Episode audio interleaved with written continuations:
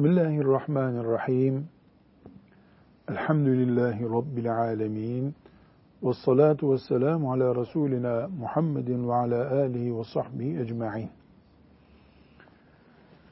Allah'ın razı olacağı ve kuluna sevaplar yazacağı işlerden birisi de sorunları bulunan insanların arasını bulmak, kavgaları, tartışmaları önleyecek ara buluculuk işini yapmaktır. Müslümanın namaz kılarken sevap kazandığı gibi iki mümin arasındaki küskünlüğü veya sorunu giderirken de gidermeye çalışırken de sevap kazanacağını Rabbimiz Kur'an'ında Peygamber aleyhisselam Efendimiz de sünnetinde haber vermektedir. Biz şu noktadan yola çıkıyoruz. Gayemiz Rabbimizin rızasıyla cennete girmektir. No, çıkış noktamız bu. Rabbimiz oruç tutunca razı oluyor, cennete koyuyor. Ya da cennete koyacak puan veriyor bize. O puanların toplamı işe yarayacak sonra. Hacca gidiyoruz, aynı şey. Kurban kesiyoruz, aynı şey. Kur'an-ı Kerim okuyoruz, aynı şey. Bu arada gözden kaçmaması gereken bazı işler var. A ve B şahısları bir konuyu tartışıyorlar, sürtüşüyorlar, aralarında küslük var, münazara var. C şahsı geliyor, onunla konuşuyor, onunla konuşuyor, yapmayın böyle diyor. Bir sebeple aralarını buluyor. Buna ıslah etmek diyoruz. Yani arayı bulmak, arayı düzeltmek. Bu da Allah'ın cennete koymasına sebep olan işlerdendir. Belki de en değerli nafile amellerdendir. Yani kıyamet günü. Bir kediyi aç bırakmadığı için sevap kazananlar terazisinde onu bulacakları gibi kaynana ile gelinin arasını bulduğu için, baba ile evladının arasını bulduğu için, eş ile öbür eşin arasını bulduğu için, patronla işçinin arasını bulduğu için, iki komşunun arasını bulmaya çalıştığı için ve benzeri. Küskünlerin arasını ıslah etmekte kıyamet günü Allahu Teala'nın sevap diye önümüze koyduğu işlerden olacak. Bunu nereden biliyoruz? Kur'an'ımızdan biliyoruz. Peygamber sallallahu aleyhi ve sellem Efendimizin hadisi şeriflerinden biliyoruz. Riyazu Salihinde geldiğimiz bölüm bu başlığı taşıyor. İnsanların arasını bulma. Evet, şimdi e, İmam Nevevi rahmetullahi aleyh Nisa suresinin 114. ayetini e, bir yönlendirici olarak hadislerden önce buraya koymuş. O ayeti celileyi teberruken metnini de okuyalım Hafız Salih. Sonra da mealini okuyalım. Rabbimiz ne buyuruyor onu anlamaya çalışalım. Euzu billahi mineşşeytanirracim. Bismillahirrahmanirrahim.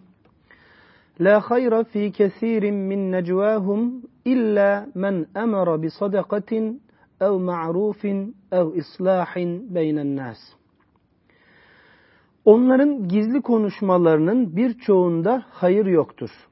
Ancak bir sadaka vermeyi veya bir iyilik yapmayı yahut insanların arasını düzeltmeyi isteyenler böyle değildir.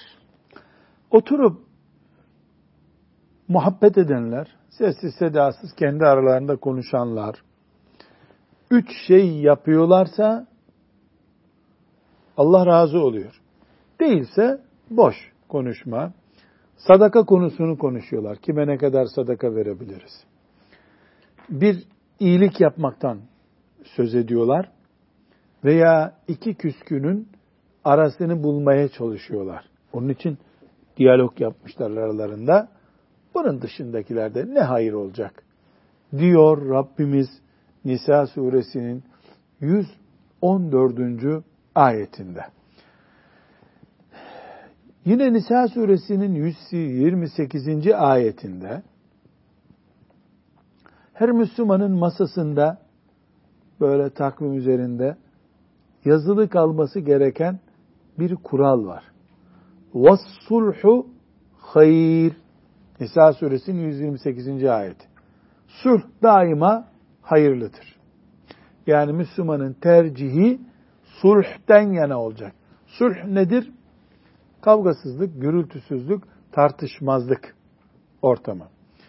Enfal suresinin birinci ayeti, Rabbimizin emri, Fettekullaha ve aslihu zâte beynikum. Allah'tan korkunuz, aranızı düzeltiniz. Aslihu zâte beynikum. Allah'tan korkmak, takva, müttaki, Allah'ın emri böyle olmak. Ama onun yanı başında bir kelime daha var. Aranızı da düzeltiniz. Tartışmalı müminler olmayınız. Hucurat suresinin 10. ayetinde innemel mu'minune ihvetun fe aslihu beyne ahaveykum. Müminler kardeştir. Öyleyse kardeşlerinizin arasını bulunuz buyuruyor. Bu ayetlerden bir genelleme yapabiliriz. Rabbimiz bir ara bulmak, İslam toplumu içerisinde küskünlükleri gidermek, tartışma konularını gidermek diye bir emir buyurmuştur. Bu emirden de sevap vermektedir. Bu kural nereden gerekiyor peki? Şundan dolayı. İnsan Müslüman da olsa, iyi insan da olsa başka insanlarla sorun yaşayabilir. Bu olağanüstü bir durum değildir. O çok iyidir, iyi olmayan birisine rastlamıştır. Küçücük bir alışverişten koca bir problem çıkmıştır. Bunun ıslah olması lazım. Herkes de kendisinin iyi olduğunu zannediyor. Her şeyi devlete, mahkemeye, savcılığa taşırmak makul bir şey değil. Neden? Çünkü her şeyi devlete intikal ederse devlet kendi gücüyle ve ağırlığıyla sorun çözdüğü zaman bir taraf ezildiğini hissediyor olabilir. Ama üçüncü kişiler, Müslüman toplumun üçüncü kişileri bir nevi ara buluculuk yaparak, ıslah için çalışarak durumu düzeltirlerse daha narin bir ortamda düzelme sağlanmış olur. Binaenaleyh ashab-ı kiramda Allah onlardan razı olsun aralarında sorun çıktı. Eşler arasında çıktı. İki mümin arasında çıktı. Büyük sahabilerle diğerleri arasında çıktı. Ama fettekullaha ve aslihu zâte beynikum. Allah'tan korkun ve aranızı düzelttiniz. Emri gelince peki ya Rabbi dediler. Aralarını düzelttiler. Bizim yani günlük deyimimizde barıştılar hemen. Sorunsuz yaşamadılar. Sorunların altında ezilip gitmediler. Ashab-ı kiramın farkı budur. Sorun çıktı. Çünkü insanlar insan olarak yaşadılar. Sorun olması normal. Sorunları kapasitemizin üstüne çıkarıp ebedi çözülmez bela haline getirmek normal değil. Ashab-ı kiramın uygulamasında en azından bunu görüyoruz. Mesela bu Enfal suresinin birinci ayeti Bedir gazvesi esnasında indi. O gazvenin ganimetleri yani savaş kazanımları ile ilgili bir fikir tartışması, ne yapılacak tartışması üzerine indi. Tamam dedi ashab-ı kiram. Ne buyuruyorsa Resulullah sallallahu aleyhi ve sellem baş üstüne dediler. De tartışma kaldı. Ne bir şey kaldı. Yani bir buğdayı deve kadar, fil kadar yapmadılar. Allah onlardan razı olsun. Şimdi 250. hadisi şerife geldik. Bu 250. hadisi şerifte Efendimiz sallallahu aleyhi ve sellem e, insanların arasını bulmayı bir konunun içine koyuyor. Allahu Teala'nın sayılamayacak kadar nimetleri içerisindeyiz Müslümanlar olarak. Bu nimetlere şükür yapmak gerekiyor. Bu şükür de belli yöntemlerle yapılır. Onlardan bir tanesi de iki insanın arasını düzeltmeye çalışırsınız. Bu bir sadaka olur.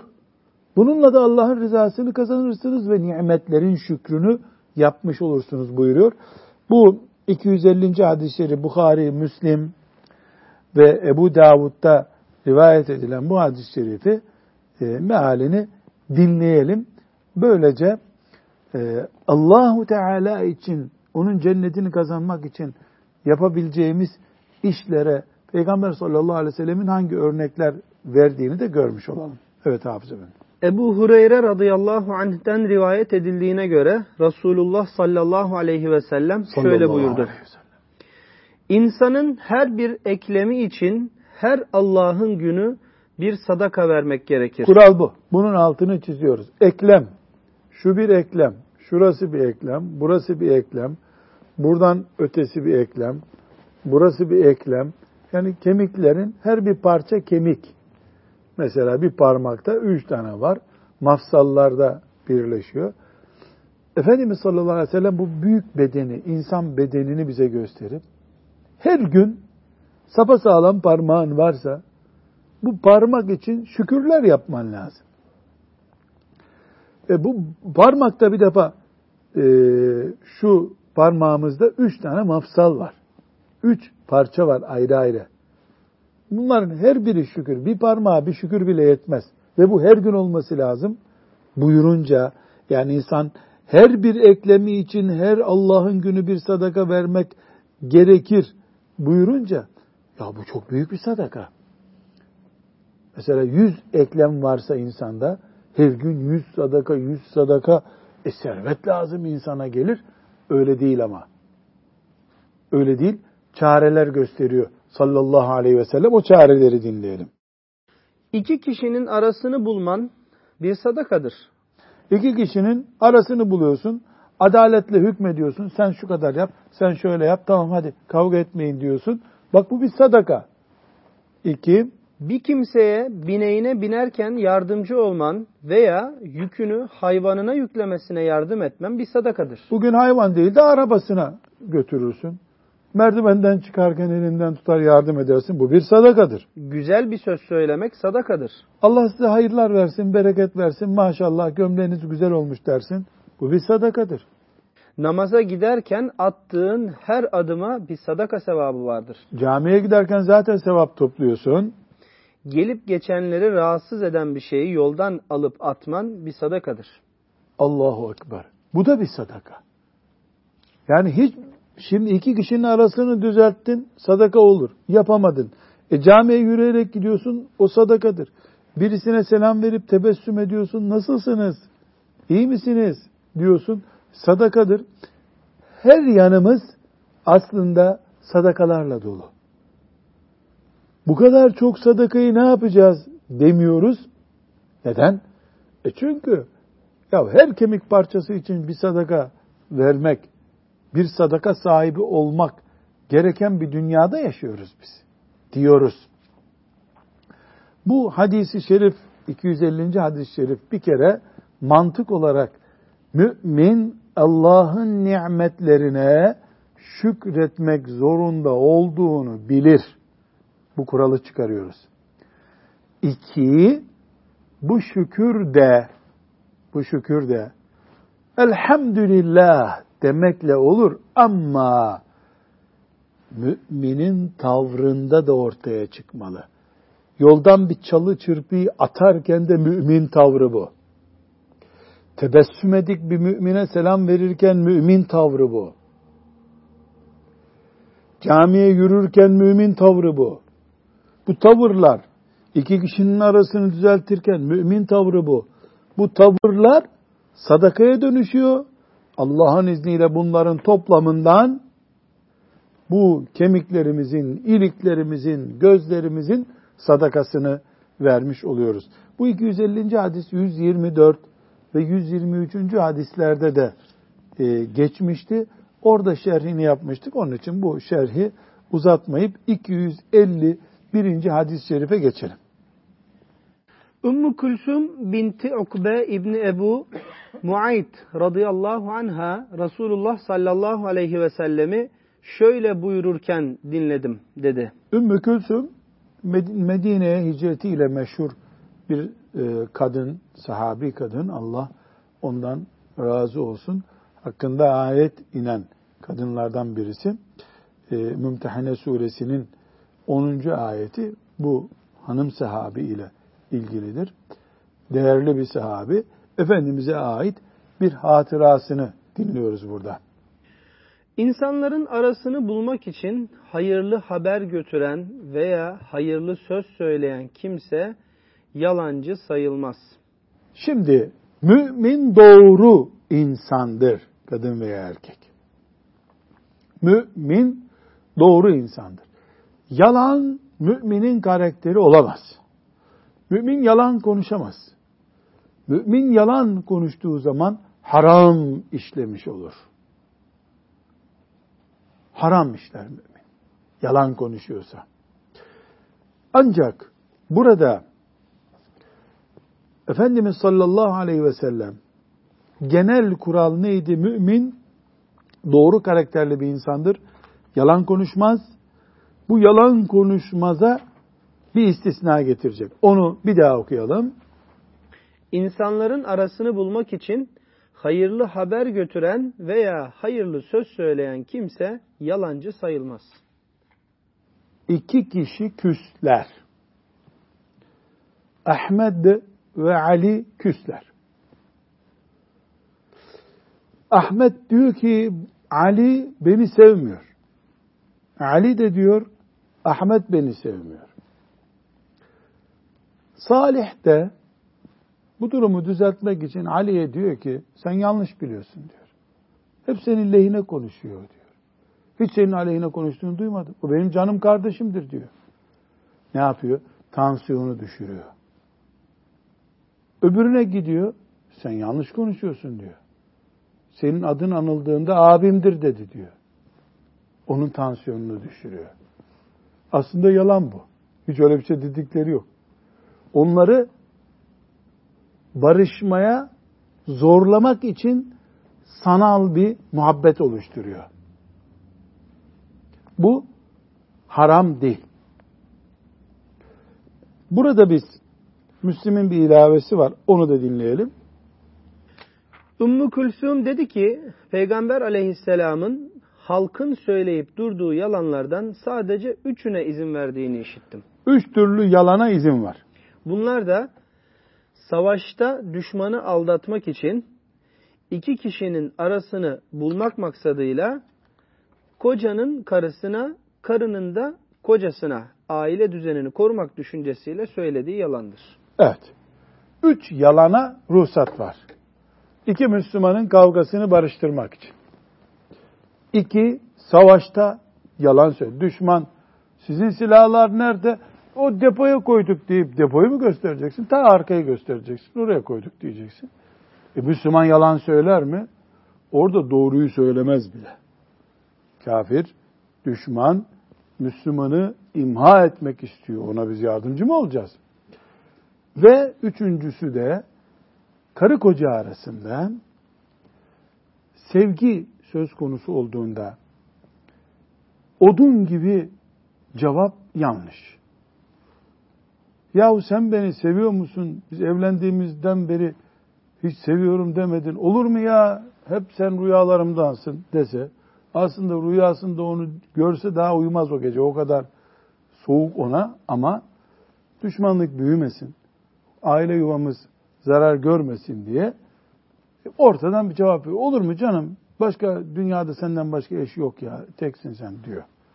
Böyle bir tatlı söz söylüyor. Kendi de inanmıyor söze ama e, teskin ediyor ortama. Şeytanın fitne oluşturmasına karşı tedbirli oluyor. Buna caiz diyoruz. Evet. Buyurun. Hocam e, bir kadının e, icabında kocasından habersiz gizli bir iş yapması doğru değil. Ama kadın kocasından gizli bir iş yapıp ondan sonra e, kocam bunu duyarsa çok kızar, ondan sonra aramız bozulur diye bir düşünceye giderse böyle bir durumda ne diyeceğiz? Burada yaptığı işte çok önemli ama. Yaptığı iş kocasına zarar veren bir iştir. Böyle bir iş sonra açıldığında daha fena bir tehlikeli sonuç olacaktır. Evvela kocası, karısı birbirinin zıddına gizli iş yapmamayı ilke edinecekler. Ama öyle bir nokta olur ki mesela annenle telefonla görüşürsen şöyle ederim böyle ederim diyor adam. E anneyle de görüşmek lazım. Burada bir gizlilik söz konusu olabilir. Ama öbür türlü e, hem yalan hem gizli iş Müslümanda buluşmamalı.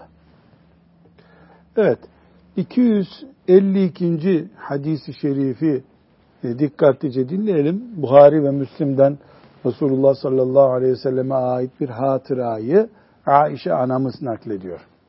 Aişe radıyallahu anha şöyle dedi.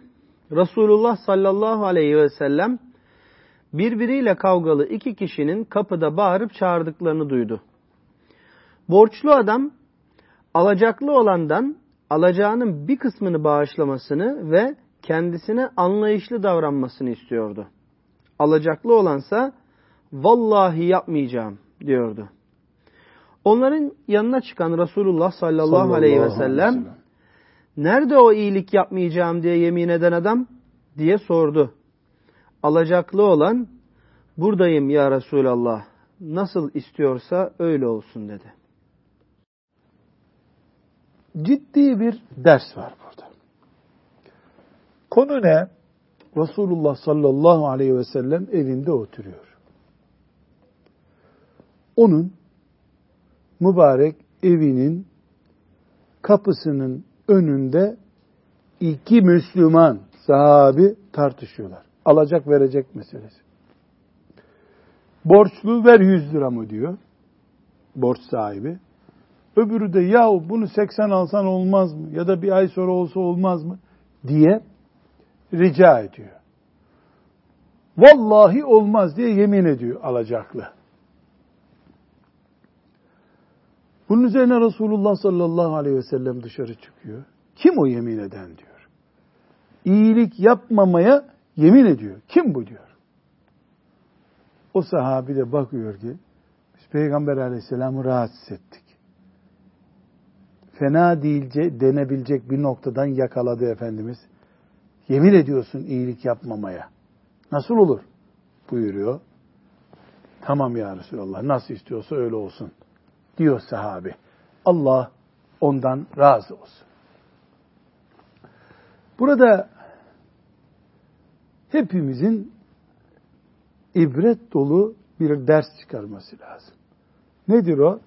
Medine Mescid-i Nebi Resulullah sallallahu aleyhi ve sellemin mübarek evinin kapısının önü burada.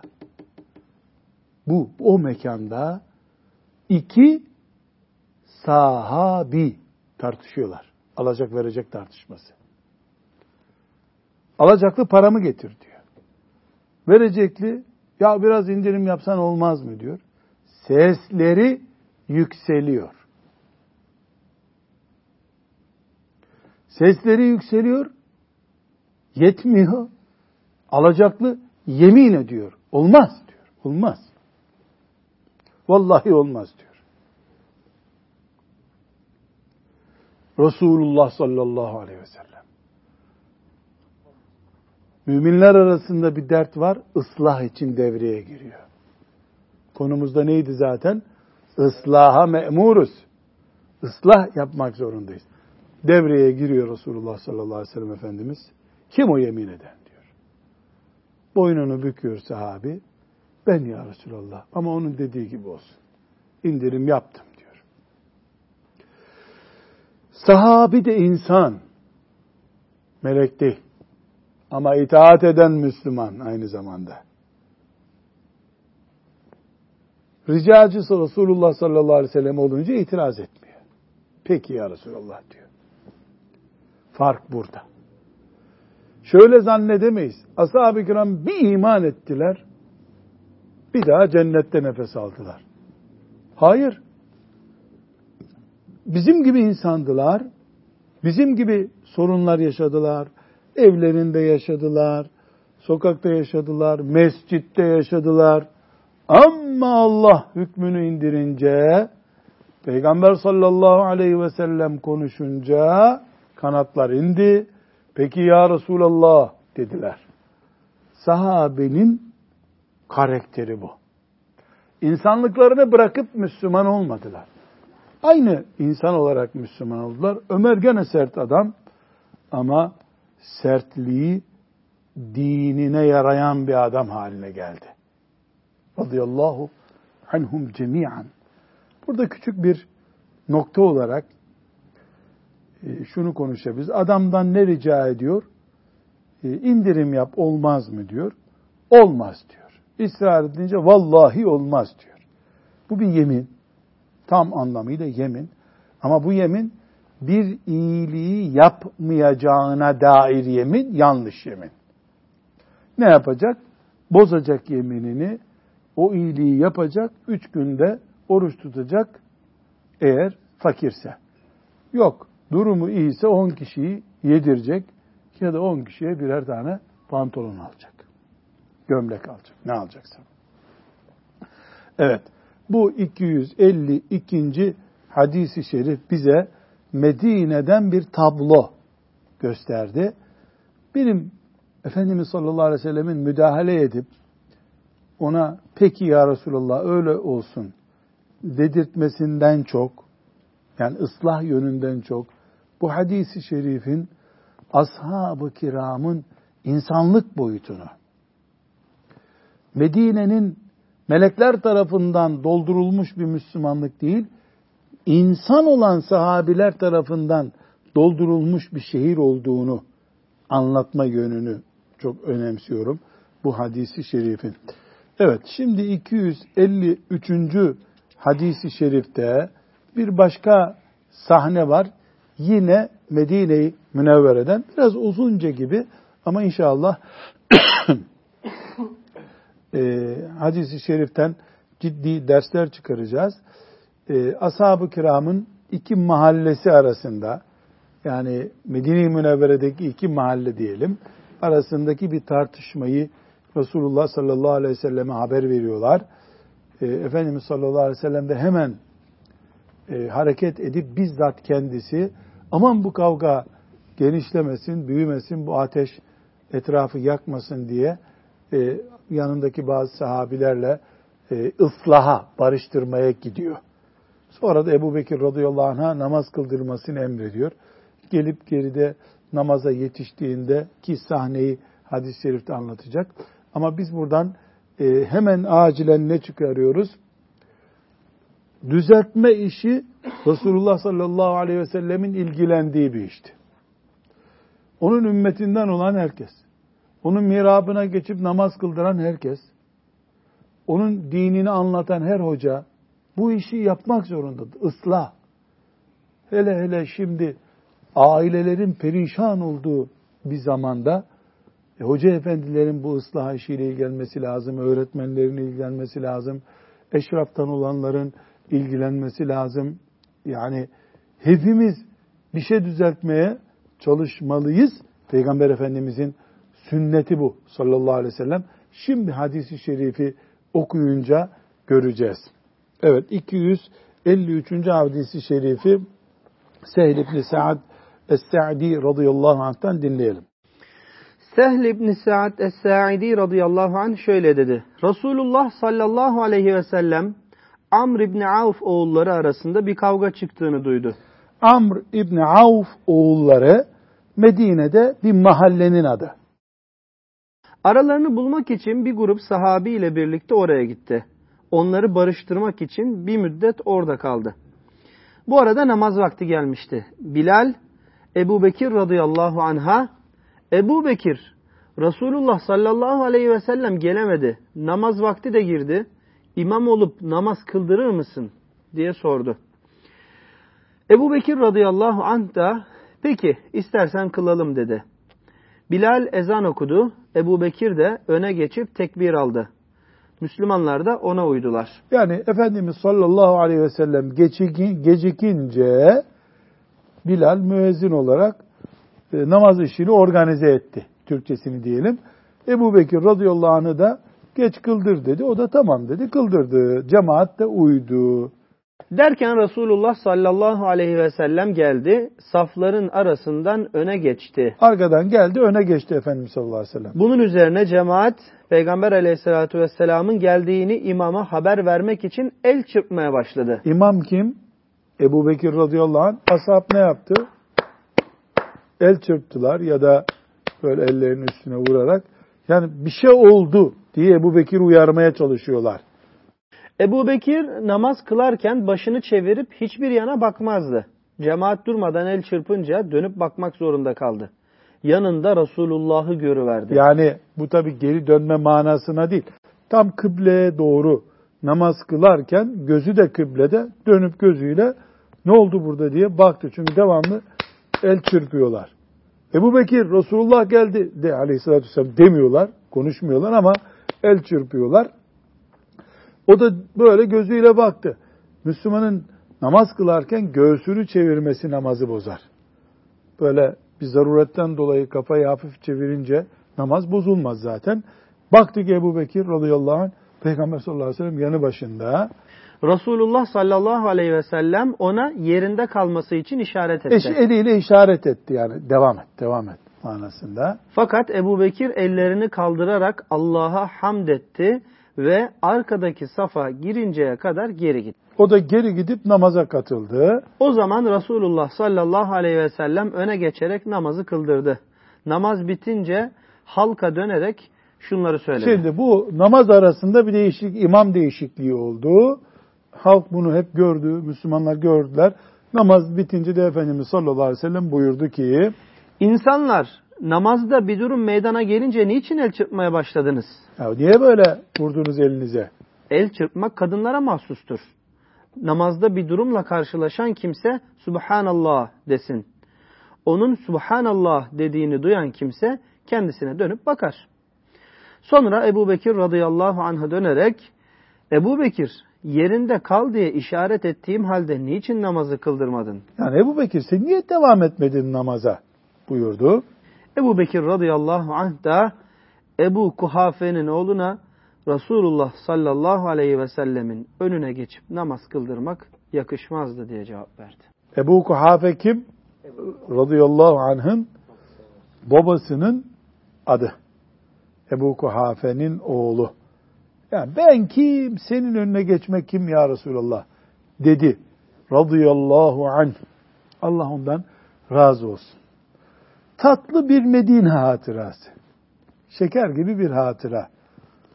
Allahu Teala bu hatırada adı geçenlerle, o cemaatle beraber Havz-ı Kevser'de buluşmayı hepimize nasip buyursun. Buradan hızlıca notlar alalım. Bir, Resulullah sallallahu aleyhi ve sellem bir işle meşgul ve namazı bile geciktiriyor o işten dolayı. Ne o iş? Müslümanlar arasındaki bir tartışmayı gidermeye çalışıyor. Şimdi buradan çözmemiz gereken sır şudur. Namaz ve Resulullah sallallahu aleyhi ve sellem asla biri birini geciktirir kelime olmadığı halde Efendimiz sallallahu aleyhi ve sellem o işte meşgul oluyor.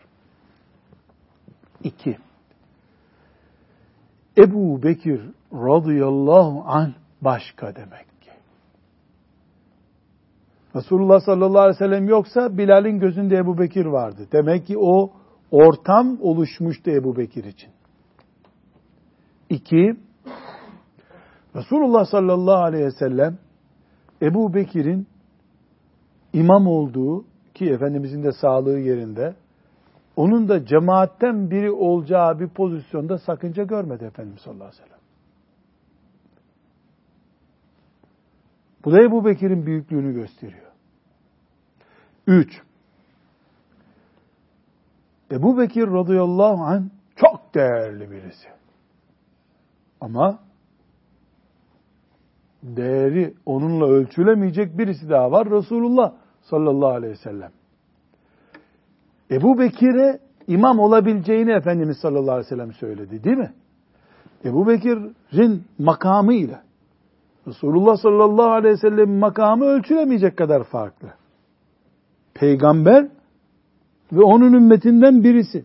Böyle benzerlik yok arada. Ama Ebu Bekir radıyallahu anh imam olabiliyor. Kime? Resulullah sallallahu aleyhi ve selleme. O zaman buradan bir kaide çıkıyor. Nedir o kaide? Daha değerlisi bulunduğu halde bir Müslüman mihraba geçip imam olabilir. Büyük bir alim, faziletli bir alime o çapta olmayan bir talebe, medrese talebesi geçip namaz kıldırsa caiz mi? Şüphe var mı bunda? Niye? Çünkü Resulullah sallallahu aleyhi ve sellem örneğini, Ebu Bekir örneğini çok net bir şekilde burada görüyoruz. Buna mefdule fadılın bağlantısı diyebiliriz. Yani mefdul kim? Düşük çapta olan. Fadıl kim? Yüksek çapta olan. Yüksek çapta olanı biz mihrapta görmek isteriz. Uygun olan bu. Ama bir sebeple mefdul olan yani daha düşük çapta olan mihraba geçebilir. Namaza bir zararı yok bunun. Dördüncü konu namazda imamı ikaz edilecek bir durum gerektirdiği zaman yanlış okudu imam, acil bir durum oldu, alarm verecek halimiz yok. namazda bayanlar namazda iseler el çırparlar. İmam da anlar ki arkada dikkat etmem gereken e, bir sorun var. Erkekler ise el çırpmazlar. Efendimiz sallallahu aleyhi ve sellem ne diyor? Subhanallah, Subhanallah derler. Cemaat imamı ikaz etmek için tesbih getirdiği zaman Müslümanlar namazlarına bir sakınca olmuyor demek ki bundan öğreniyoruz onu. Bir konu daha var. Efendimiz sallallahu aleyhi ve sellem Ebu Bekir'i onun ümmetinden birisi sadece mihraba geçirirken onun kimliğindeki yani Peygamber sallallahu aleyhi ve sellemin kimliğindeki tevazuyu da bize gösteriyor. Ya ben geldim, iyi ki çekildin zaten demedi, buyurmadı. Ebu Bekir oradan niye geri geldin buyurdu. Ebu Bekir haddini bildi. Resulullah sallallahu aleyhi ve sellem de tevazuunu gösterdi. Ve bu Mescid-i Nebi'de mihrapta namaz esnasında oldu. Allah ashab-ı kiramdan razı olsun. Bütün yaşadıkları bize mükemmel örnekler olarak intikal etti hep. Onlar ayetler geldi, hatanızı düzeltin diye onu düzelttiler.